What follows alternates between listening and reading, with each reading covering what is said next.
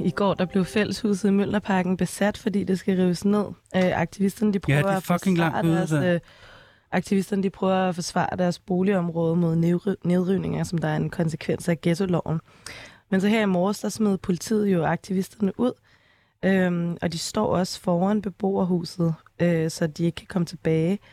Og det virker til, at Bovita, altså dem, som der administrerer Mølnerparken, øhm, de vil starte med at rive fælleshuset ned, fordi det er her beboerne og aktivisterne, de holder møder. Det er så fucking langt ude, det der. Altså, tænk, altså, øh, tænk at være politiker, og så kalde sig socialdemokrat, og så øh, have, øh, have den her megaplan om at rive almen, øh, boliger i den almindelige sektor ned. Det er så fucking langt ude. Øh, sådan et helt åbenlyst angreb på arbejderklassen og deres egne boligforhold. Det er fandme langt ude. Men man kan sige, at altså, på en måde, så er der på en måde lidt noget i luften, der sådan godt kunne... Øh, virke til, at det faktisk kunne eskalere. Altså, jeg synes, der er en del in- ingredienser til stede her, ikke? At der er en meget klar konflikt nu, ikke? Med pol- politiet er simpelthen ude ved Møllerparken nu, ikke? Øh, det er sommer. Der er mange aktivister, der er ved at få sommerferie fri, ikke? Det er midt på Nørrebro. Øh, og sagen er ret principiel. Altså, alle, alle øh, den her sag handler jo i virkeligheden om alle dem, der kan mærke de, de her sådan, øh, groteske konsekvenser af det københavnske Jeg tror boligmarked. faktisk ikke, politiet er derude nu. Nå. Men øh, Okay. ja, det er også det der med, det er lidt, det er lidt en balance i forhold til det der med, sådan, hvad, der, hvad der skal eskaleres og hvornår. Men altså, i hvert fald så er der indkaldt til en fredelig demonstration i dag kl. 18 øh, i Mølnerparken. Øh, jeg undrer mig også over, hvor enhedslisten er henne, og hvor Line Barfod, der er teknik- og miljøborgmester i enhedslisten, er henne. Ja. Men altså, jeg, jeg, jeg kom til at tænke på det her med, som jeg selv har gjort øh, før i tiden, det her med, at øh, man, kan jo, man kan jo prøve at finde ud af, hvem det er, hvad det er for nogle firmaer, der faktisk står for de her nedrivninger. Ja, ja. Øh, men det er der sikkert øh, nogen, der allerede er i færd med. Men så kan man jo ligesom prøve at, hvad ved jeg, lave blokader, eller øh, på en eller anden måde chikanere de firmaer, der står for den her helt øh, groteske, øh, øh, det her groteske nedrivningsforsøg. ja. Øhm, ja, det kommer vi måske til at høre mere om, det her. Men øhm, Vil du sætte jinglen? ja, vi, øh, vi, må sætte, øh, vi må sætte jinglen på.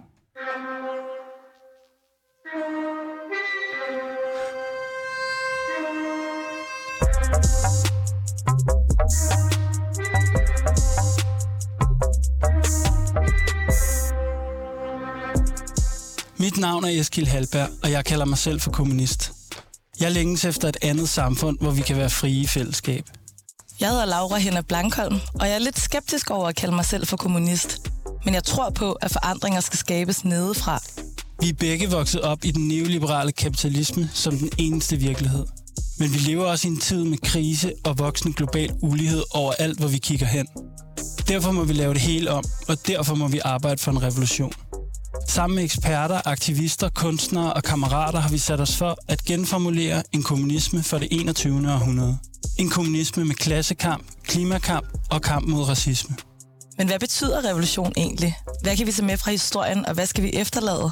I programmet jagter vi det mod og begær, som ulmer over alt. Vi skal finde ud af, hvad der skal rives ned, forløses og bygges op. Vi kommer til at tale om, hvordan et nyt samfund skal se ud, og hvilke strategier vi skal bruge for at nå derhen. Med andre ord skal vi hver tirsdag mødes i et værksted for revolutionen. Vi har kun vores lænker at miste, men en verden at vinde.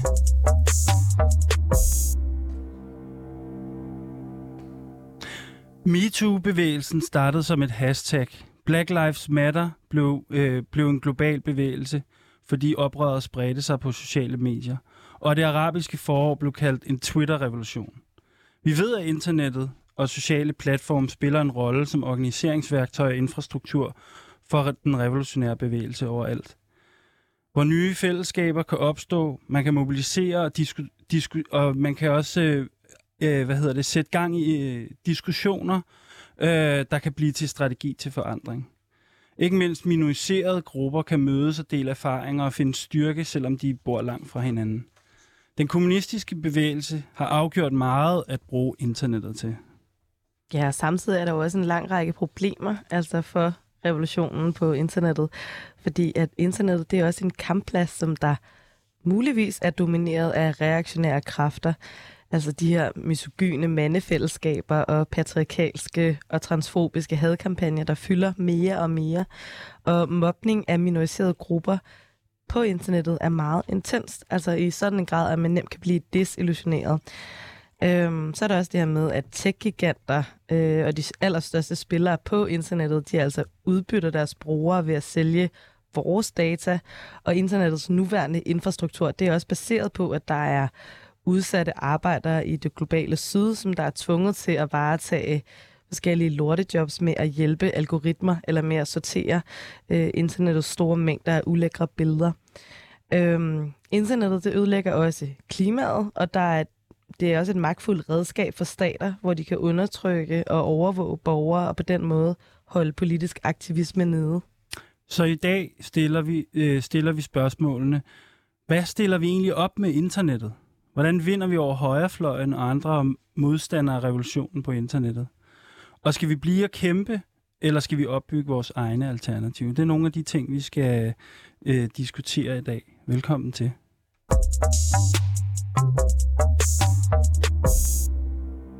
Så skal jeg byde velkommen til dagens gæster.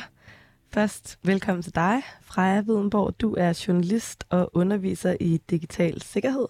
Og så er du også med i Cybernauterne, som der formidler om digital kultur og teknologi. Velkommen til. Og velkommen til dig, Munir Mogen. Du er teknoantropolog, og så har du også øh, speciale i digital diskrimination. Hej. Hej. Og øh, inden vi skal tale om nogle af de her problemer øh, i internettets digitale fællesskaber, som vi også lige har ridset op, så skal Eske lige spørge om noget. Jamen, jeg vil jo gerne høre om I kommunister. Hvad siger du, Freja, først måske? Ja, altså... Du har en tatovering. Du har simpelthen... Freja har, Freja har hammer sejl på skulderen. Det er ikke så tit, jeg flasher den. Ej, hvor, ej, hvor er det... Hvor, Men ja, det, det er jeg. Simpelthen. Jeg, jeg, jeg tænker, jeg er sådan en udogmatisk en af slagsen. Okay. Øh, selvom det måske ikke virker sådan men, Ja, øh, ja. år siden. Men det er jeg. Skide godt. Der var simpelthen en uh, hammer sejl tatovering. Det var første gang. Det tror jeg måske er første gang. Om velkommen til, Freja. Hvad siger du, Munir? Jeg tror, den er lidt sværere for mig. Jeg tror, jeg øh, tror på rigtig mange af kommunismens øh, øh, idealer og værdier, men jeg tror også, at jeg har følt eller føler, at det har været meget sådan hvidt mandeagtig ideologi. Så jeg tror mere, jeg vil beskrive mig som feminist øh, og revolutionist egentlig. Ja. Det er klart. Udmærket. Jamen, øhm, altså som vi også sagde i introduktionen, så kan det nogle gange føles som om, at internettet er højrefløjens domæne. Eller at sociale medier, øh, hvor der er mange mennesker, som der bruger rigtig meget tid, det opdyrker og forstærker altså antifeminisme og andre reaktionære bevægelser. Og vi skal bruge noget tid her til at starte med på at tale om det her problem fra nogle lidt forskellige perspektiver. Og inden vi gør det, så vil jeg bare lige sige i forhold til, hvordan det ser ud med, hvis man kigger på det sådan tal, øh, eller i forhold til øh, det statistiske, så har Analyse og Tal, de har lavet en undersøgelse, som der faktisk viser, at anerkendende kommentarer faktisk fylder mere end de her sproglige angreb. Øhm, de har analyseret 63 millioner kommentarer på politikere og mediers Facebook-sider, øhm, hvor 14 procent af dem er anerkendende slags kommentarer, mens lidt over 5 procent er sproglige angreb. Men ikke desto mindre, så vil jeg stadig sige, at jeg selv har en klar fornemmelse af, at man skal være klar på at møde rigtig hård kritik på internettet. Især hvis man er ikke mand eller kvinde eller minoritet på nogle andre måder. Øhm, men hvad siger I? Altså, kan man sige, at højrefløjen har vundet internettet? Altså, da jeg læste om den her analyse, og når du lige siger det, så øh, er det, der springer mig i øjnene, det er, hvad er det for nogle kommentarer, der er blevet undersøgt? Ikke? Er det noget, som er sådan relativt øh, almindelig indhold, og ikke noget, som er kontroversielt eller lægger op til debat? For jeg tror, at i de felter, der ser vi virkelig mange hadfulde kommentarer. ja. Øhm, og der er det her, vi virkelig ser de her strategier, som vi kommer til at snakke om i dag, Mm. hvor højrefløjen eller radikale øh, går ind og bruger de her kommentarspor til virkelig at sprede ideologier. Mm-hmm. Ja, lige præcis, fordi det er nemlig et spørgsmål om, hvem er det, der får anerkendelsen, og hvem er det, der får hadet. Og der er det jo helt klart, det er jo ikke bare noget, det føles som. Det er jo virkelig sådan, at det er helt uproportionelt. Altså, der er også en ny analyse fra Institut for Menneskerettigheder fra juni, øh, Ja, ja. fra nu, agtigt. Det Ja. Det- ja, i Ja, juni. fra nu. Ja. ja. juni, som viser, at, øh, at 36 procent øh, af, af danske netbrugere oplever nedsættende kommentarer på Facebook, og Ja. 11 procent oplever trusler, men det er Mm. hver tredje LGBT plus øh, og minoritetsperson, der oplever trusler. Ja, ja. Og det får rigtig mange til at trække sig fra den offentlige debat. Så der sker ligesom sådan en, en, dis, altså en, en forskydning, hvor, hvor øh, dem, der ikke oplever de her had og trusler i så høj grad, de fylder mere og mere i den offentlige debat, Ja. og dem, der oplever det, de trækker sig. Det er en god, det er en vigtig pointe. Kan det være, det er der, derfor, det føles som om, det er rigtig meget. Men og, hva- altså, øh, hvad tænker jeg om det her? Vi vil jo gerne tale om internettet som sådan en slags kampplads, ikke? Og vi, og vi øh, altså Laura og jeg har lidt den her fornemmelse om, at, at øh, venstrefløjen er sådan lidt bagud her, eller et eller andet. Højrefløjen fylder meget. Kan, er, det, er, det en, er det noget, I kan genkende til i, i, i øh, jeres øh, undersøgelser, den måde, I øh, har undersøgt de her ting på? Helt klart. Helt sikkert, og det kan man jo også se i, i nogle af de øh, altså store sådan, konsekvenser, der har været. Altså, de, der, det er jo tit, man hiver Trump og stormen på kongressen i USA Ja. og så videre frem, som en af de, sådan, de ultimative konsekvenser af det her løbske, hadske internet. Men, men det er der jo også en god grund til.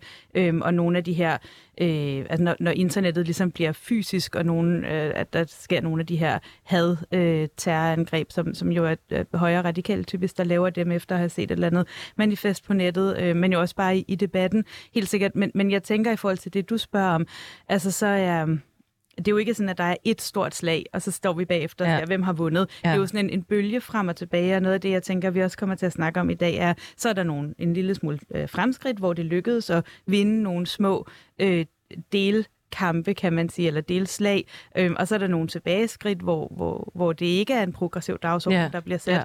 Øhm, og det er jo alt for tidligt, vi er jo stadigvæk i internettets meget, meget, meget øh, sprøde første barneår, så det er alt for tidligt at sige, hvem vinder ligesom mm. kampen. Men Ja. der er nogle odds, som er helt klart ikke i vores favør. Jo det her med, at, at det er nogle meget store multinationale virksomheder, som vi også kommer til at snakke om, der sætter spillereglerne for, hvordan vi slås på den her Ja. øh, kampplads. Øh, og så det med, at, at, at had og mobning appellerer til nogle sådan grundlæggende mekanismer, som bliver understøttet af de algoritmer, der er på nettet. Mm-hmm. Og, og Munir, øh, måske kunne du øh, tage os lidt mere ind i, hvad det er for nogle arenaer, som, øh, hvad skal man sige, det her, den her højrefløjsbølge på internettet, hvor er det, de færdes meget, og hvad er det, de gør? Øhm, Altså, de færdes både i de mainstream øh, sociale medier, som vi også øh, generelt færdes på, altså Facebook, øh, YouTube, Instagram, Twitter, men de har helt klart også øh, mobiliseret sig til andre alternative platforme, som vi øh, generelle mennesker eller øh, gennemsnitlige mennesker ikke rigtig færdes på, og måske ikke engang ved, hvad er, måske ikke engang ved, at det foregår. Øhm, og her er ek- eksemplet, som mange måske kender, 4chan, hvor der jo virkelig øh, bliver mobiliseret alt muligt ting, og Hvad er 4chan for noget? 4chan er sådan et øh, board, imageboard eller øh, chatboard Mm. format, hvor øhm, der er lidt mere sådan frit slag og ikke nogen øh, moderation som sådan. Mm. Og der er rigtig mange øh, terrorister eller manifester, øh, skoleskydere, som ligesom kan traces back øh, til at have skrevet og øh, delt deres tanker på 4chan, før det er sket. Ja. Og sådan nogle eksempler øh, er jo nogle eksempler på de her spaces, hvor der ikke sker en moderation, og hvor højrefløjen virkelig kan udfolde sig. Og vi ser det også på de sociale medier mere, tror jeg, fordi at det ligesom er en generel samfundsideologi, at højre, højrefløjsideologier er mere almene. Ja. Det er mindre øh, radikalt at øh, udtrykke sig racistisk eller queerfobisk, end det er for øh, venstrefløjen at øh, udtrykke sig revolutionært eller ja. øhm, s- sige sine tanker om de oplevelser, vi har. Fordi det er oftest der, at vi bliver flagget, altså for hvad vores, betyder det? for vores øh, indhold fjernet, Ja. øhm, Ja. hvis vi faktisk deler vores oplevelser. Og, og det her, du siger med, at, at højrefløjen på en eller anden måde har nogle, nogle bedre omstændigheder for, for at opnå udbredelse, er også det her med, at jamen, det er status quo på en eller anden måde, eller mange i hvert fald, Mm. øh, når, vi, når vi taler om højrefløjen. Det er jo selvfølgelig også et lidt vidt begreb. Øhm, det, det er ligesom bare øh, status quo. Ja, så er det måske også noget med, at, at, at de algori- algoritmer, der ligesom bestemmer, hvad ryger op i vores feed, og hvad ryger ned, de appellerer til nogle følelser, som, som spiller godt ind i sådan en, øh, en tit en, en øh, borgerlig, altså en, en mere sådan øh, forarvet, Ja, øh, konservativ ja, agenda. Altså, Mm. Øh, vi kender jo alle sammen godt, hvis vi ligesom mærker efter inden i os selv, hvad er det, der får os op af stolen og får os til at reagere? Jamen, det er jo sådan noget som, som, øh, som vrede, forarvelse, sådan, ej, nu er det for galt, ikke? Og for Jo, eksempel, når jo. vi har set alle de her krænkelseshistorier, som når man ligesom ruller dem tilbage, viser sig jo at være sådan, ikke historier, det er, det er jo ikke sådan, at der står en her LGBT plus personer og forlanger kagepersoner Nej. øh, til alle, men, men, men de kommer, fordi at, at der er nogen, der sender de her historier ud i agent, og så appellerer de til sådan nogle følelser, som får rigtig mange til at klikke vred smiley, ja. eller til at dele uden at læse historien. Og, og det her med, at man så kan dele uden at læse historien, og overskrifterne er skåret på en måde, som gør os vrede, og appellerer til, øh, til ting, det gør bare, at, at, at det er de ting, der bliver spredt hurtigt og ryger hurtigt op i vores feed. Ja. Hvad hedder det? Jeg kunne godt lige tænke mig, fordi nu har vi allerede nævnt det der begreb om højrefløjen. Øhm, men, og, og Monir, jeg ved, du har ligesom prøvet at unders- i hvert fald øh, undersøgt en del af højrefløjen, så øh, måske ved I begge til noget om det, men, men det der med, kunne vi sætte en lidt mere nogle øh, indholdsudfylde, øh, hvad, det, hvad I mener med højrefløjen? Måske dig, Monir, først. Ja, altså både øh, cybernauterne og jeg og andre, som arbejder øh, med teknofeminisme, eller hvad man skal kalde det, vi øh, arbejder med det her begreb om manusfæren, altså en samlet betegnelse for online-kultur, der er kvindehadende eller antifeministiske, anti-LGBT, øh, racistiske og generelt øh, bevæger sig over i de her højere ekstreme fløje. Selvfølgelig også incels, som jo mange også kender. Ja, det her, har man hørt lidt om, det der med incels, men det, jeg synes alligevel, det er spændende at forstå det der, fordi du, øh, der var også en af jer, der allerede nævnte det der med, at der bliver mobiliseret på 4chan for eksempel, ikke? Hvad er det, der bliver mobiliseret omkring? Altså, hvad er det for nogle typer af idéer, du nævner antifeminisme? Er der et posit, altså, er positivt, er der ligesom et politisk projekt? Kan man betragte det som politisk bevægelse i tra- traditionel forstand? Jeg tror, der sker flere politiske bevægelser i de her øhm, communities.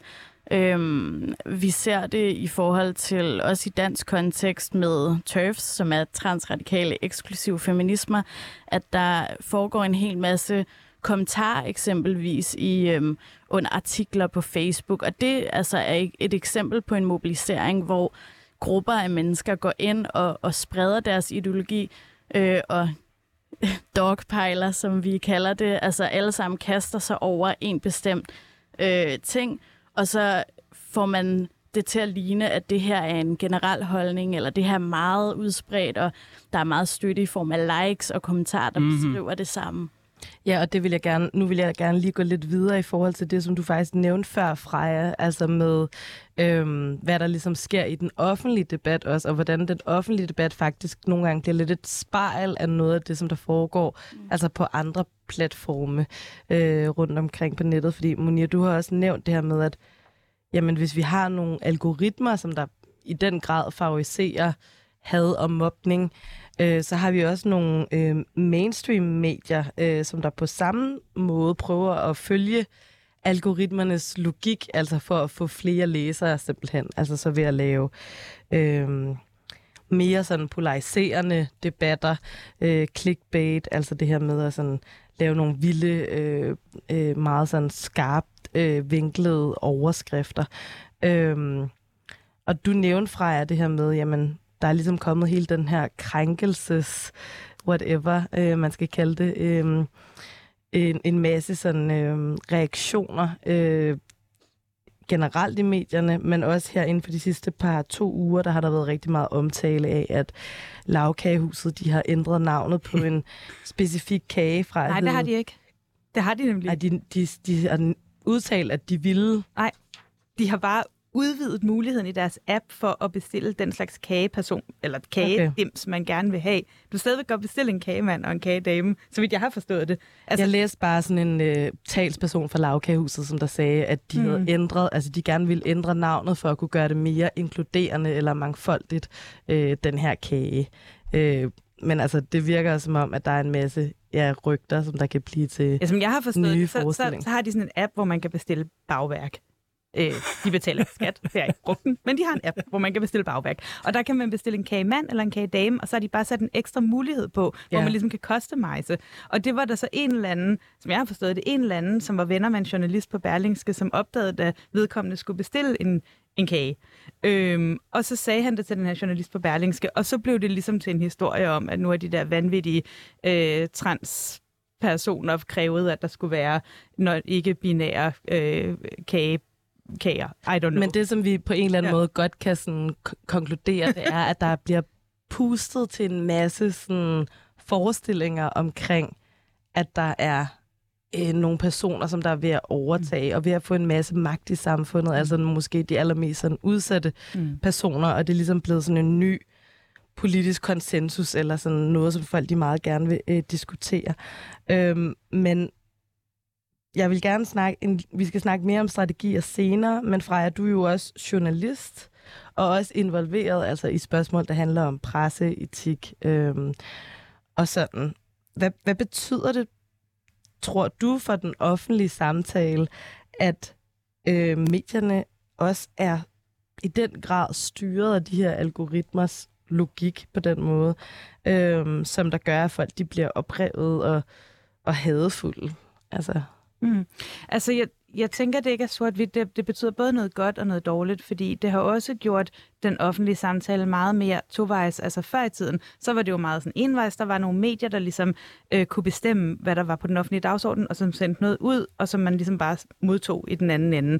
Øhm, og det har også åbnet op for, at der er meget mere, øh, at det går begge veje, at medierne også kan, kan høre, hvad deres læsere siger, og man ja. Også kan have samtaler med sig selv, og på tværs og uden medier, og alle de her ting, øhm, som man, altså hvis man bruger det på en god måde, især hvis, hvis, hvis medier bruger det på en god og presseetisk måde, det er jo også noget af det, som sådan journalistverdenen er ved at finde ud af nu, hvordan kan man ligesom have en, en presseetisk øh, måde at være i de der kommentarspor på, og også gå derind og tage noget af den offentlige samtale og sådan noget.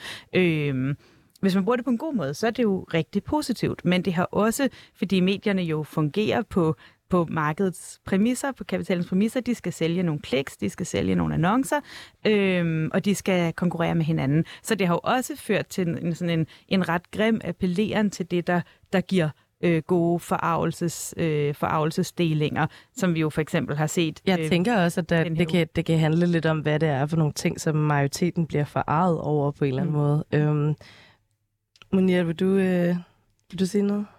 Ja, øhm, altså der er jo både det her, som Freja også siger med, at øh, der skal sælges nogle kliks. Mm. At der er en øh, kapitalistisk fortjeneste med at slå nogle ting op, som giver rigtig meget aktivitet. Det er der både for afsender, altså medierne, men det er der også for Facebook, eller hvor de her diskussioner finder sted, fordi at det skaber aktivitet, så brugerne bliver længere på hjemmesiderne. Mm. Så er der også en anden ting, der slår mig i øjnene, det er, at øh, der er den her form for radikering, radikaliseringsstrategi, som vi også ser, det her med at have en fælles fjende, Ja. Altså det her med, at øh, publikum eller gruppen kan vende sig mod én ting. Det er også meget det, vi ser i de her øh, artikler eller i medierne pt., at så er det transpersonerne eller muslimerne eller så videre, men det her med, at befolkningen ligesom kan sige, okay, vi er en del af en gruppe, som beskytter os mod den her fælles fjende. Ja. Det er jo virkelig noget, som er et meget stærkt øh, værktøj. Mm. Og så er det jo desværre bare altid nemmere, også for medier, at sparke nedad. Mm. Sparke nedad mod muslimer, spark nedad mod transpersoner, spark nedad mod alle mulige udsatte i samfundet, som, som slet ikke udgør den trussel, som de ligesom bliver fremstillet til at gøre. Men må jeg ikke lige hurtigt indskyde, for jeg, jeg synes, det er lidt vigtigt i forhold til det med højrefløjen, vi snakkede om før, at det jo ikke er sådan en, en fast organisation, som jeg oplever det i hvert fald. Altså, det er jo, der er nogen, som instigater, der er nogen, som helt klart sidder og spekulerer i at sende de her ting ud og lave den her radikalisering. Og så er der jo nogen, som, som ikke engang ved, at det er de dagsordner, de videreformidler, som er sådan den brede offentlighed, og som jo også tit er nogle ret udsatte mm. mennesker. Altså for eksempel, når vi snakker om det med manusfæren, kan man jo også se, hvordan meget udsatte unge drenge, som har lidt svært ved at navigere i det her med maskulinitet, og hvordan skal man Mm. gøre sådan noget, de ligesom bliver fanget ind, øhm, og det er sådan, at der er en helt fast formel for, hvordan man kan fange dem ind, for eksempel i et kommentarspor på YouTube, og være sådan, hey buddy, øh, kom med i vores fællesskab, og forresten er kvinder rimelig nederen, og så kører det ligesom. Mm. derfra. Ikke? Ja, altså det her med at være sårbar eller føle sig øh, ekskluderet for fællesskaber, er jo virkelig en af de ting, som kan gøre en sårbar for radikalisering. Mm-hmm. Så på den måde er der nogle udsatheder, altså både i forhold til, altså, hvordan, det, hvordan det opererer i samfundet i det hele taget, som der så selvfølgelig bliver forstærket i forhold til den her øh, online-kultur. Ja, den, den der myte med sådan, øh, dem, der sidder i underbukser nede i deres kælder og onde og skriver onde kommentarer, den, det, det snakkede vi også lidt om, da vi aftalte Mm, det her. Den, er, mm. den er sådan, synes jeg er ret vigtig at punktere, fordi det er alle mulige forskellige slags mennesker, og det er jo også pæne mænd i jakkesæt, der sidder inde i deres øh, øh, bankjobs og, og skriver de her ting øh, og, og spreder det her had. Og, og sådan, det der med ligesom at forstå, at det er på alle niveauer i samfundet, og det er alle typer mennesker, er vigtigt, tror jeg, for os at kunne øh, imødegå det. Udmærket. Hvad hedder det? Okay, så fik vi jo øh, slået fast her, i hvert fald indledningsvis, at internettet, der er, det er et, i hvert fald et sted, hvor man kommer til at møde højrefløjen undervejs.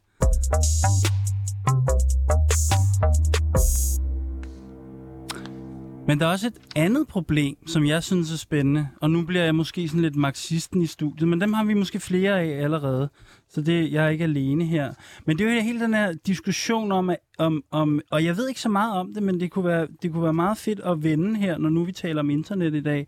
Øhm, det der med, at internettet også har en fysik, altså sådan, øh, altså jeg tænker på det der med, at der er også nogle computer, øh, hardware, kabler alle mulige steder, server og Øh, vi nævnte også i indledningen det der med, at der jo faktisk også er en, et, noget, altså, der er også impact på klimaet og så videre. Men selvfølgelig, og, og noget af det har jeg allerede, allerede været lidt inde på, det synes jeg, vi skal komme omkring, det der med, hvad, hvad det gør for internettet, at det er, hvad skal vi sige, i hvert fald overvejende ejet af de her få, øh, hvad skal vi kalde det, superkapitalister, eller et eller andet. Øhm, hvad, hvad tænker I om det? Måske Freja først, som Munir bagefter? Jamen, internettet er jo i virkeligheden som sådan en slags øh, mega løbsk kapitalisme på speed.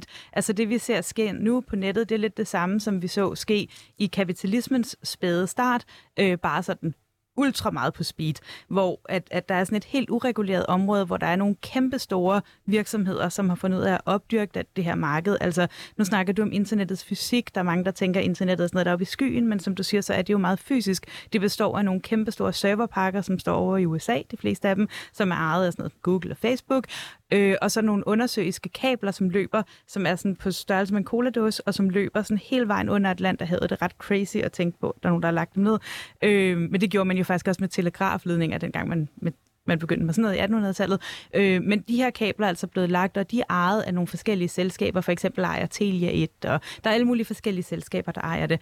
Og, og, og vi ser sådan en, en, en ultraløbsk monopolisering af de her ejerforhold, hvor de virksomheder, som ejer dem, bliver stadig større og større, ejer mere og mere, øh, af noget ekstremt vital infrastruktur, fordi de jo sidder på så stor en del af den offentlige debat, og de er helt umulige at regulere, fordi de er så multinationale. Fordi vi ikke ligesom er kommet ind øh, som, som stater, mens vi kunne, og begyndt at regulere det, så er de bare så kæmpestore. Det er jo også derfor, det er så svært for politikerne at regulere for eksempel Facebook og, og alle de her ting.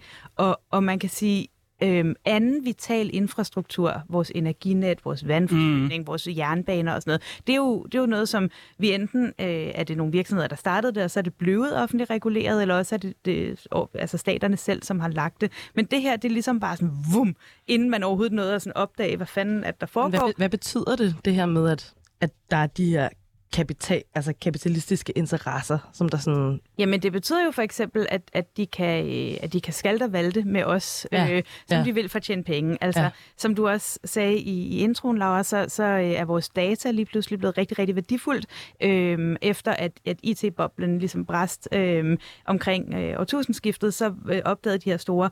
Øh, virksomheder, at, vores, altså, at det var ikke så meget det med, at vi gik ind og brugte Google eller Facebook, som, som gav penge i kassen. Det var det med, at de kunne høste data, Ja, mhm. det, ja, og de kan præcis. sælge det. Så de høster sindssygt meget data om os alle sammen, om øh, hvad vi gør, og øh, hvad for nogle, hvordan vi reagerer på Facebook, og hvad for nogle hjemmesider vi besøger. Dem sælger de til, altså til virksomheder, for at vi kan få målrettede annoncer, men de sælger dem også til politikere, for at de kan påvirke vores handlinger. Ah, Mm. Og det er jo et rigtig alvorligt demokratisk Ja, problem. klart.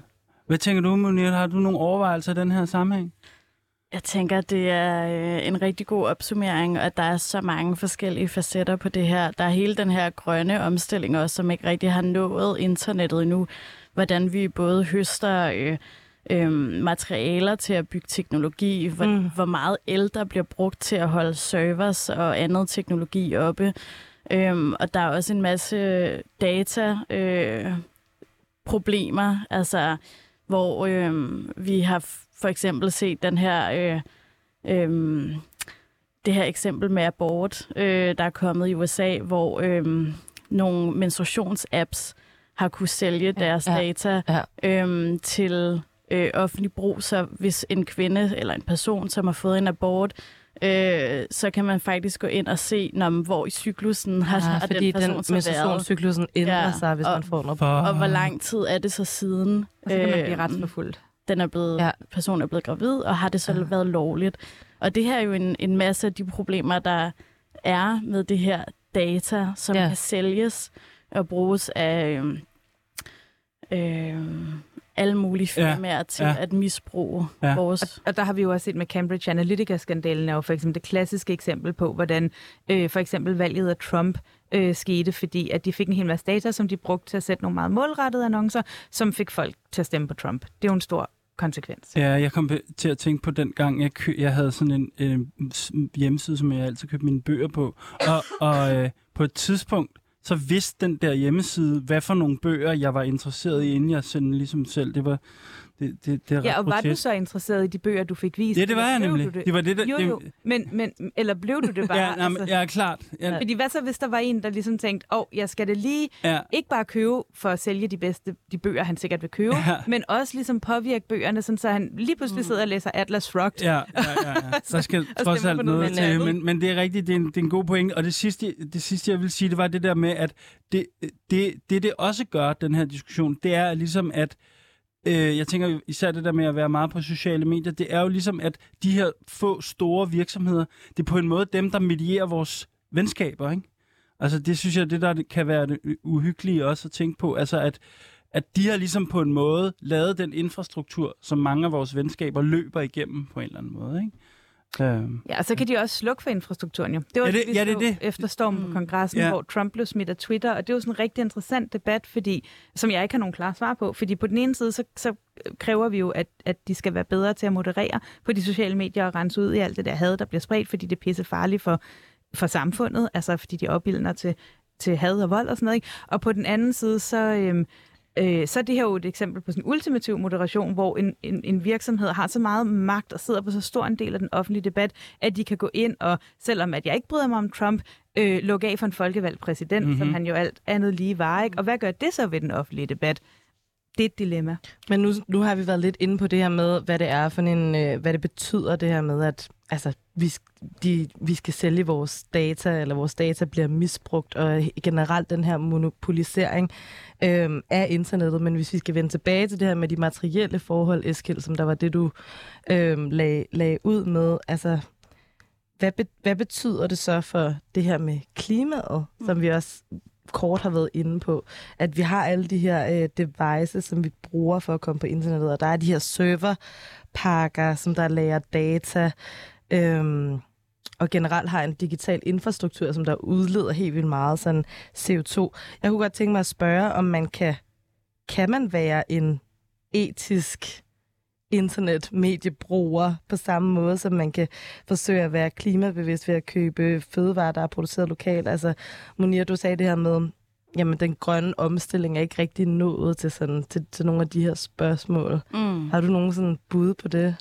Altså, man kan jo købe genbrugsteknologi. Det er sådan et af mine bedste bud, fordi at det altså netop ikke rigtig er nået dertil endnu. Ja, ja. Øhm, altså, så kan man også, øh, hvis man vil være meget sådan nitty-pitty, nitty-picky, øhm, lære sine ting på øh, harddiske måske i stedet for clouds. Men altså, så er vi også helt ude i sådan noget, nogle udregninger om, hvad er det, der koster mere CO2 og mere Ja, skade, som, Ja. som jeg ikke rigtig har svarene på. Ja.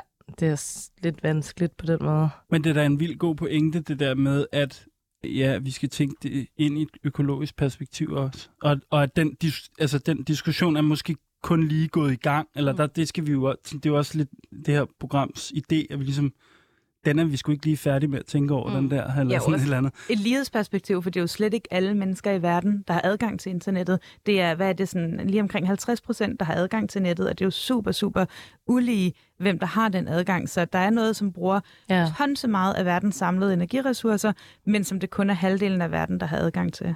Hvor det så samtidig også er arbejdere i det globale syd, som der mm. har de her jobs, øh, som der ligesom skal være med til at, at varetage øh, altså nogle af de her algoritmer. Mm. Ja, det, det, det, det er sådan lidt min kæphest, at det der med, at, at øh, um, det er maskinerne, der ordner det hele, og mm. øh, hvad hedder det, robotterne kan sortere billeder uden at, øh, og så videre, så videre. Det er mm. faktisk me- meget ofte ikke rigtigt. Altså, der sidder m- rigtige mennesker og laver meget af det der. Øh. Mm. Ja, Så ved, I, ved I noget om det? Altså så for eksempel det her med, hvis man får sådan et, et spørgsmål, hvis du skal genstille din adgangskode til et eller andet, og siger, vælg alle de øh, billeder med øh, biler, eller Mm. et eller andet. Eller hvad er det for nogle billeder, I snakker om? Altså, det er jo øh, eksempelvis billeder og videoer, der bliver postet af øhm, vold eller øh, gore, altså Ja. meget blodige, ja. eller øh, bare eksplicite billeder, hvor at det oftest er meget underbetalte Ja. øhm, arbejder i det globale syd, som sidder og skal sortere i det her, hvor de også ofte får PTSD eller andre Klart. traumer af deres arbejde. Oftest bliver de også øh, betalt meget, meget lidt, Mm. og selvfølgelig. Og de har meget øh, kort tid. Eksempelvis hvis I ser på moder- moderering til faktisk at moderere de her ting, så måske Okay, okay, ja. har de et halvt minut til at øh, beslutte, om noget er øh, har overtrådt retningslinjerne, hvilket også gør hele den her moderationsproces øh, meget svær, fordi at øh, Mm. problemerne ofte er meget øh, mere komplicerede end som så. Så det kan måske være nogen, der har anmeldt et billede, eller hvordan. Øh, og så sidder, sidder man bare og bliver eksponeret for en hel masse af de her billeder, og så skal Ja. være med til at sortere i det. Øh, det er et ret vildt øh, scenarie, eller det, det er vildt at forestille sig. Mm. Øh, lad os prøve at gå lidt videre til at snakke. Nej, det var det, det var det, du gjorde ved mig sidste uge. Så fik du sådan en øh, tilbage. Jamen, det er jo fordi, nu skal vi til at snakke lidt om, altså vi, det kan jo, man kan miste pusen lidt af alle de her problemer, som vi, som vi har ridset op. Øhm, det virker jo som om, at internettet er ret for, altså in, intimt forbundet med øh, kapitalismen på så mange måder. Øhm, hvis vi alligevel skal prøve at være lidt ambitiøse her, og allerede nu starte med at snakke lidt om veje ud af de her problemer. Øhm, Freja, du har blandt andet skrevet en bog, der hedder Et digitalt selvforsvar for journalister. Øh, Kryptoguide for journalister. Kryptoguide for journalister. Men det er en håndbog i digital selvforsvar. Ja. Ja. No stress, det står også på.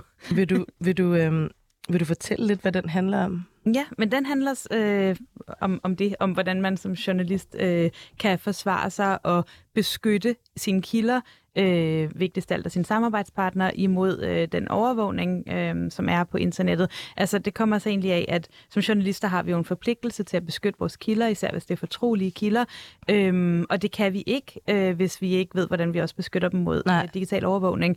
Og da jeg startede på Journalisthøjskolen, så opdagede jeg, at det var noget, der slet ikke blev undervist i. Øhm, men jeg havde lidt erfaring med det, fordi jeg på et tidspunkt fik nogle hemmelige dokumenter om Irak-krigen fra en efterretningsofficer, som jeg skulle passe på. Øh, og derfor så jeg sendte jeg med at skrive en bog om det. Og det er sådan en guide til, altså øh, det var lige efter, at Snowden havde lavet de her afsløringer af, at øh, de danske myndigheder, ligesom alle andre vestlige myndigheder, samarbejder med den amerikanske efterretningstjeneste NSA øh, om at holde øje med alt, hvad vi foretager os på nettet. Øh, når vi laver et telefonopkald, når vi søger på noget på nettet, når vi besøger en hjemmeside, når vi sender mails, alle de her ting. Hvordan kan man som journalist, men også som alle mulige andre øh, borgere, bes, øh, beskytte os mod det? Både hvis man har noget vigtigt at beskytte, ligesom journalister for eksempel har, men også bare hvis man ikke synes, det er fedt, øh, at nogen kan følge med i, hvad man laver. Ja, altså, så det handler om det her med forskellige sådan, øh, te- teknikker og sådan, øh, strategier til, hvordan man kan øh, højne, hvad kan man sige, sådan, ens egen sådan, øh, sikkerhed. Ja. Øh, men kan man så overføre den tankegang, øh, hvis man ikke er journalist, til bare sådan at være almen mediebruger på nettet? Altså Helt sikkert, det her helt med sikkert. at tænke sikkerhed og privatliv. Helt sikkert. Og det fede er jo, at, øh, at, at det er blevet super meget nemmere efter alle de der Snowden-afsløringer Før i tiden var kryptering sådan ret nørdet noget, Ja. men nu er det lige så nemt som alle mulige andre apps. Og det er jo lidt ligesom, jeg plejer at sammenligne det med, at vi har jo for længst vendet os til, at vi skal låse vores cykel, når vi stiller mm. Den nede på gaden, Ja. vi skal låse vores dør, hvis vi ikke vil have, at folk går ind og tager vores ting. Men vi har bare ikke vendet os helt endnu til at tænke det samme på nettet, og det har alle egentlig gavn af at tænke. Men hvad er de mest sådan, øh, basale ting, som man kan gøre? Altså nu, nu skal vi ikke lave sådan en helt øh, brugerguide lige nu, men jeg tænkte, hvis man alligevel synes, at det, det lyder altså lidt øh, komplekst, eller Mm hvad er kryptering? Hvad er de mest basale ting, man skal gøre? Det første, man skal gøre, er, at man skal tænke over, hvad er det, jeg gerne vil beskytte. Altså, der, der er ikke ligesom sådan et, et quick fix. Der, der er forskel på, om man vil beskytte øh, sin kommunikation, altså når man skriver beskeder med sine venner, eller når man ringer med sine venner, eller om man vil beskytte sit udstyr. Hvis man for eksempel Øh, en rigtig god måde at beskytte sin kommunikation, det er at installere den app, der hedder Signal, som er gratis og open source. Det betyder, at alle kan kigge efter, hvordan den er bygget op, øh, hvordan programmet er bygget, så der ikke er nogen skjulte bagdøre. Øh, og den er super nem at bruge, og øh, den, den gør, at man ikke kan, der ikke kan komme nogen udefra og snappe beskederne op og kigge med i dem. Ja, øhm, ja. Så, så man kan bruge Signal. Signal, den kan man installere. Øhm, Signal Private Messenger hedder den. Øhm, men så skal man jo også tænke på, jamen, øhm, hvis man nu er i et scenarie, for eksempel, hvor man er på vej til en demo, og der er risiko for, at, øh, at, at politiet tager ens telefon, øhm, så handler det jo ikke så meget om at bruge Signal, som beskytter beskederne, mens de ligesom er i transit, mens de bliver sendt. Så handler det mere om, at man har en ordentlig lås på sin telefon. Så det handler egentlig om at bruge den her sådan helt almindelige logiske tankegang, ligesom man tænker, åh, oh, jeg stiller min cykel hernede foran radioen, men det er en gammel skrællet cykel, så jeg kan godt bare låse den med en kliklås. Øhm, eller jeg stiller min cykel weekenden over inde ved hovedbanen, så er der nok større chance for, at den bliver stjålet, så der skal jeg nok låse den fast til noget. Man skal ligesom bare vende sig til at bruge den her logiske tankegang mm. Mhm. og analysere, hvad er det, jeg gerne vil beskytte, om hvad er det så, jeg skal bruge. Men altså, Signal App er en god start, hvis det handler om at beskytte kommunikationen. Ja. Og Alle handler om- lyttere skal installere signal. Og så hvis det handler om at beskytte sine sociale medier, fordi man har jo rigtig meget crap liggende på Facebook og på Twitter og i sine private beskeder og sådan noget, så er det en god øh, idé at installere det, der hedder to-faktor-godkendelse, hvor man ikke, hvis nu ens øh, udstyr bliver stjålet, eller man mister sin adgangskode, Ja. så er der ikke nogen andre, der kan bryde ind i den, uden at man selv først har godkendt det. Altså fordi, at så, så skal man kunne sige ja på telefonen til, Præcis. at man er den person, som der logger Præcis. ind. Så det er en god start. Signal og to-faktor-godkendelse på sin mail og sine sociale medier og sådan noget, ligesom man har i banken. Og hvis vi bare lige skal sådan snakke om det her sådan lidt, lidt generelt også, altså så hele den her tankegang omkring digital selvforsvar, eller det her med at have sådan en, et mindset omkring sådan øh, både ens devices, altså ens computer, men også hvordan man kan færdes på internettet. Altså, er det, er det en strategi i forhold til nogle af de her ting, vi har talt om? Altså det her med, at der er, man, man, der er nogle udsatheder på internettet, eller hvordan man som øh, aktivist eller som venstreorienteret på en eller anden måde skal begå sig. Jamen, det synes jeg, det er, hvis det handler om at beskytte sin kommunikation. Men internettet er jo ikke løsrevet fra den resten af den virkelige verden. Og det handler om at finde ud af, hvad det er, jeg skal nu. Hvis det nu handler om, at man vil organisere en demo, en helt almindelig lovlig demo, hvor man gerne vil have rigtig mange mennesker til at komme, så dur det ikke at sidde på nogle små, obskure, krypterede platforme, som ingen kan følge med i. Så skal man jo ud og lave et Facebook-event. Selvom Facebook er røv nederen, så er det der, folk er. Ligesom at, at man øh, i gamle dage ville gå ud og dele løbesedler ud, der hvor folk er. Ikke? Så skal Mm. man ud på de platforme, hvor folk er, for at få så mange som muligt til at opdage ens Ja. bevægelse, eller ens, sådan, hvad man gerne vil dem til. Men hvis man så gerne vil organisere noget, som man ikke vil have, der er nogen, der skal vide i forvejen. Hvis man nu, der er forskel på at lave kæmpe fakkeltog ind foran Rådhuset og demonstrere imod øh, nedrivningen af Mjølnerparken, og så på at, at, planlægge, at man skal ind foran gravkørende. Hvis man så gerne vil ind foran gravkørende, så kan det godt være, at man skal holde sig Mhm. til Signal, eller nogle, nogle andre øh, platforme, hvor folk ikke kan lytte med. Og jeg, jeg kunne godt tænke mig at få dig, Monique, på banen også. Altså, fordi du har jo du har beskæftiget dig meget med den her sådan, radik, øh, højre radikale, eller hvad vi skal kalde det, måske mine ord, men det her begreb om manosfæren. Så hvis vi ligesom overfører den her sådan, forsvars øh, metafor, eller det der med, hvordan vi forsvarer os mod, øh, mod folk, der ikke vil os det godt på internettet, er der så, har du så nogle erfaringer med det? Altså, hvad gør man, hvis... Hvad var det, du kaldte det der med øh, hu- hundene, der kaster sig over en? Dogpiling. Dogpiling. Altså, kunne det, være et, kunne det være et eksempel på noget, eller er der noget, hvor man kan, man kan gøre noget mm. mod det der? Eller? Altså, hvis man tænker på det begreb, som vi bruger, der hedder digital literacy, altså at man lærer at forstå det digitale, der er det en rigt, rigtig god øh, øh, sted at starte, og der er også rigtig meget at lære. Altså det her med at lære, hvordan infrastrukturen af de platforme, vi sidder på, fungerer, lære netop øh, de faldgrupper i forhold til sikkerhed, men også øh, lære at forstå eksempelvis algoritmer eller øh, strategier, der bliver brugt øh, kommunikativt. Øh, der kan man altså lære at rygdække sig selv rigtig godt. Øh, det er også det, jeg mener, at manusfæren eller højrefløjen generelt øh, har lært. De har lært, hvordan man skal bruge nettet. De har lært, hvilke tricks, der ja. er derinde øh, for at sprede ting, for at ja. øh, booste ting. Øh, og det mener jeg, at venstrefløjen godt kan være lidt langsomme i stadig, at ja. vi ikke rigtig har fundet ud af at gøre ting på den og, helt rette måde endnu. Og hvad er det så for nogle tricks, som højrefløjen kan? Altså er det noget, man kan sige til lytterne? Det her, hvis man virkelig vil, vil, vil vinde nogle af de her slag, hvad kan man så gøre? Mm. Sådan? Altså der er hele den her proaktive del at dele indhold, som man gerne vil have andre også har adgang til. Det kan være at være på øh, YouTube og dele videoer. Øh, det kan være at skrive øh, ting på Twitter eller Facebook, hvor der måske er lidt mere... Øh, diversitet diversitet i forhold til det indhold, der allerede er derinde nu. Men det er også at mobilisere sig på en eller anden måde, hvor vi også får rigtig meget aktivitet. Det kan være at kommentere, det kan være at like, det kan være at dele, øhm, som er nogle af de ting, som højrefløjen er rigtig gode til. Øhm, de har også de har mange lange sekvenser af øh, radioshows eller podcasts, som de deler på mange forskellige platforme, på de alternative øh, sociale medieplatforme, hvor de primært er på, men også på YouTube, også på Facebook osv. Så, så der er en rigtig stor øh, diversitet af platforme, der bliver brugt. Der er rigtig mange forskellige aktører, der snakker med hinanden og kommenterer på hinandens indhold, og det er bare noget af det, som, som giver rigtig meget aktivitet. Men helt klart det her med at være proaktiv, skriv noget, øh, del noget, lav noget indhold, som du gerne vil have ud i verden, i stedet for at vi, som jeg ofte ser det, er dem, der kommenterer eller prøver at reagere på noget, som egentlig er blevet øh, brugt som våben mod os. Mm. Ah, okay. Og Freja, du markerer Ja, fordi de er jo virkelig ret gode til at stå sammen. Altså, det er jo noget af det, der er, ikke? Hey gutter, ja, hende ja. her, hun skal ned med nakken. Mm. Det har man jo også set for eksempel i Frankrig, hvor der har været sådan en organiseret gruppe af mandlige journalister, som bare har altså, skulle have kvindelige journalister ned med nakken.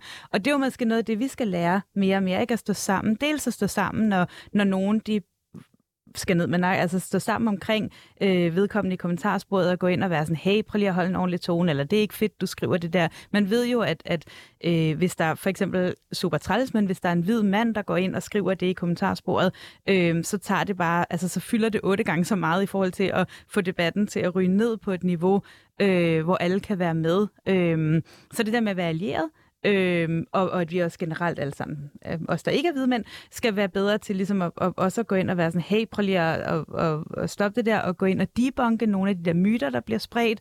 Øhm, og det kan man jo godt gøre, synes jeg, på en etisk måde. Altså man kan godt stå sammen, uden at det skal være at få en eller anden ned med nakken. Man kan for eksempel gøre det for, altså ved at forsvare os selv og hinanden mod digitalt had. Øhm, og man kan også, øh, ja, som du siger, stå sammen omkring og, og, og sprede øh, vores idéer og, og brede vores platforme og bruge den digitale kultur mere. Øh, ja. Der er jo også en anden ting, som højrefløjen netop har været gode til, det er at lave øh, deres egne platforme og rum, hvor de kan snakke sammen med hinanden, ja. uden at der er moderation. Og det er noget, som venstrefløjen især også kunne have gavn af, netop at bruge nogle spaces, øh, som vi faktisk kan bruge til at organisere os til, øh, ikke at blive ramt af algoritmer, som fjerner vores indhold, fordi vi er queers, eller feminister, eller øh, revolutionære. Og det øh, er en ting, som jeg tror kunne, kunne bedre vores øh, forhold meget, hvis vi havde et space, hvor vi faktisk kunne snakke og ikke øh, lægge låg på os selv, og ikke være bange for, at vi blev angrebet. Øh, det er jo en meget god øh, hvad hedder det, teaser for nogle af de ting, som vi skal tale om i næste time.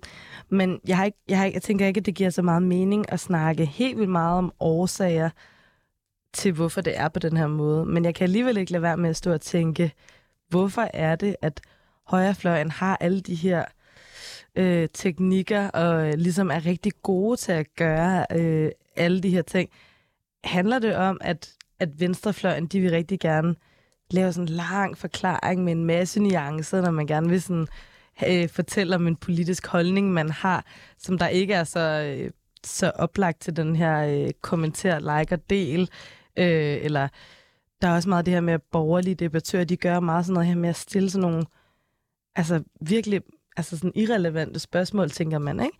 Altså What sådan, about this? Ja, ja, præcis. Eller nej, ikke kun i kommentarerne, også bare i forhold til det indhold, som der bliver pumpet der ud, hvor det bare sådan virker som om, at man skal, man skal bare tage et eller andet standpunkt, som der kan virke noget provokation, øh, og så skal man bare gøre det rigtig meget, ikke? Så skala er også ligesom sådan en, altså sådan en ting, at øh, så, så, spam, så spammer man ligesom bare der af. Øh, er det fordi, at, at venstrefløjen, eller øh, hvad kan man sige, dem, som som vi måske øh, i det her program føler sig øh, mere sådan, øh, føler, føler os tættere på, har, har en lidt for fine til at, at gøre det, eller? Altså, øh, jeg har også beskæftiget mig meget med det her online radikalisering og radikalisering begrebet ja. generelt. Og der er jo det her med, at øh, i spaces, hvor der er ekstremisme eller radikalisering, så har vi de her meget simple svar på virkeligheden. Mm-hmm. Der er en meget simpel øh, logik til, hvorfor øh, verden er som det er, hvorfor vi skal beskytte os, hvorfor folk er fjenden. Og det er noget af det, som, som gør det meget svært at udfordre. Ikke? Øhm, som som øh, krænkelseskulturelle memes og vedvarende forandre i hjernen også var inde og snakke om. Øh, de to meme-profiler, ja. som der var inde i et program. Ja. Så har... Øh, højrefløjen måske også bare været bedre, eller været mere sådan øh, frontløber i forhold til at bruge internettet som noget, der kan sprede holdninger? Det er i hvert fald en teori. Men det er måske også noget med, at vi ikke har vendet os til, hvordan vi som samfund skal være på nettet. Ikke? Fordi prøv at forestille jer, at jeg var til en debat med et forsamlingshus op til et kommunalvalg. Ja. Og der så var en, der stillede sig op og sagde et eller andet til politikerne, helt almindeligt spørgsmål. Øhm, og der så var en eller anden mand ved siden af hende, som bare stillede sig op og begyndte at råbe, din fucking luder, mand, ja. fucking ja. smadrer dig. Ja. Så ville man jo være sådan, hey, hey, hey, hvad sker ja. der? Og der ville være nogle vagter, som var sådan, måske, hey, prøv lige at gå ud, eller sådan samfundet ville gå ind og reagere. Men vi har ligesom vendet os til, oh, don't feed the troll. Vi holder os tilbage, vi går ikke ind og siger fra. Øhm, og hvis der er rigtig mange, der gør det, så får man den der ultimative ytringsfrihed, som jo altid bare bliver ytringsfrihed for de stærkeste til at stå og råbe din fucking luder af folk. Ikke? Fordi vi har jo ikke ultimativ ytringsfrihed i samfundet. Der er jo nogen, dels socialt, der går ind og siger, slap lige af, marker, men der er jo også en lovgivning for, hvad man ikke må sige ved racismeparagrafen. Ikke? Så det, det du siger, bare, bare lige for at forstå i forhold til det, det er, i stedet for at sige, lad være med at gå ind og kommentere og svare på nogle af de her sådan, øh, meget sådan... Øh, absurde, oprørede, øh, øh, hadefulde kommentarer, så skal man faktisk gå ja, ind både som almindelige mennesker, med det her. men de medier, der har platform, har også et ansvar for det. Og der er min pointe, at hele samfundet har ikke lært at agere på nettet, som vi gør ude i resten af verden endnu. Og der er problemet jo også, at de folk, som tit går ind og forsvarer trolls øh, og lignende, er minoriserede personer, som så ender med at få personangreb, ikke? Hvor omvendt er det måske lidt sværere bare at angribe en hvid cishet eller... Øh, De bliver skubbet ud af debatten. Ja, en som ikke netop er, er minoriseret også. Men Altså, hvem, hvad, sag, hvad mener du i forhold til det med at forsvare? Jeg, jeg tror ikke, jeg forstod det. Altså, hvis der foregår en eller anden debat på nettet, ja. øhm, så er det sværere for mig øh, som rasegjort og queer-person ja, at gå ind ja. så, og og skrive nogle kommentarer, fordi jeg ender med at få hadbeskeder. Eller Nå, på den måde. Men det er dig, det går ud over, og derfor så er det også til dig, som der måske prøver at reagere Men også fordi i den vi ved, at du får dobbelt had. Du får ikke kun had på din ja. kommentar, som Eskild mm. vil have, du får det også på dit køn og din race. Mm. Mm. Jeg kommer bare til at tænke på det der med, vi, som noget vi snakker om i program 2, som handlede om det der med, at øh, man, når man har nogle privilegier, så skal man stille sig frem og forsvare sine kammerater mm. og bruge dem på den der måde. Altså, ikke? Og måske stille sig for os. Så hvis man er nogle af dem, som der ikke er dem, der er allermest udsatte i forhold til at få øh, det her had, mm. øhm, som vi jo har fundet ud af nu, at der sker rigtig meget sådan online, så er man måske også nogle af dem, som der nemmere kan forsvare øh, de andre, som der er mere udsatte imod det. I næste time, der skal vi tale mere om det her med strategier til, hvordan man så kan bygge nogle progressive fællesskaber på internettet, øh, og også hvilke muligheder vi har på det her tidspunkt i den digitale og sene kapitalisme.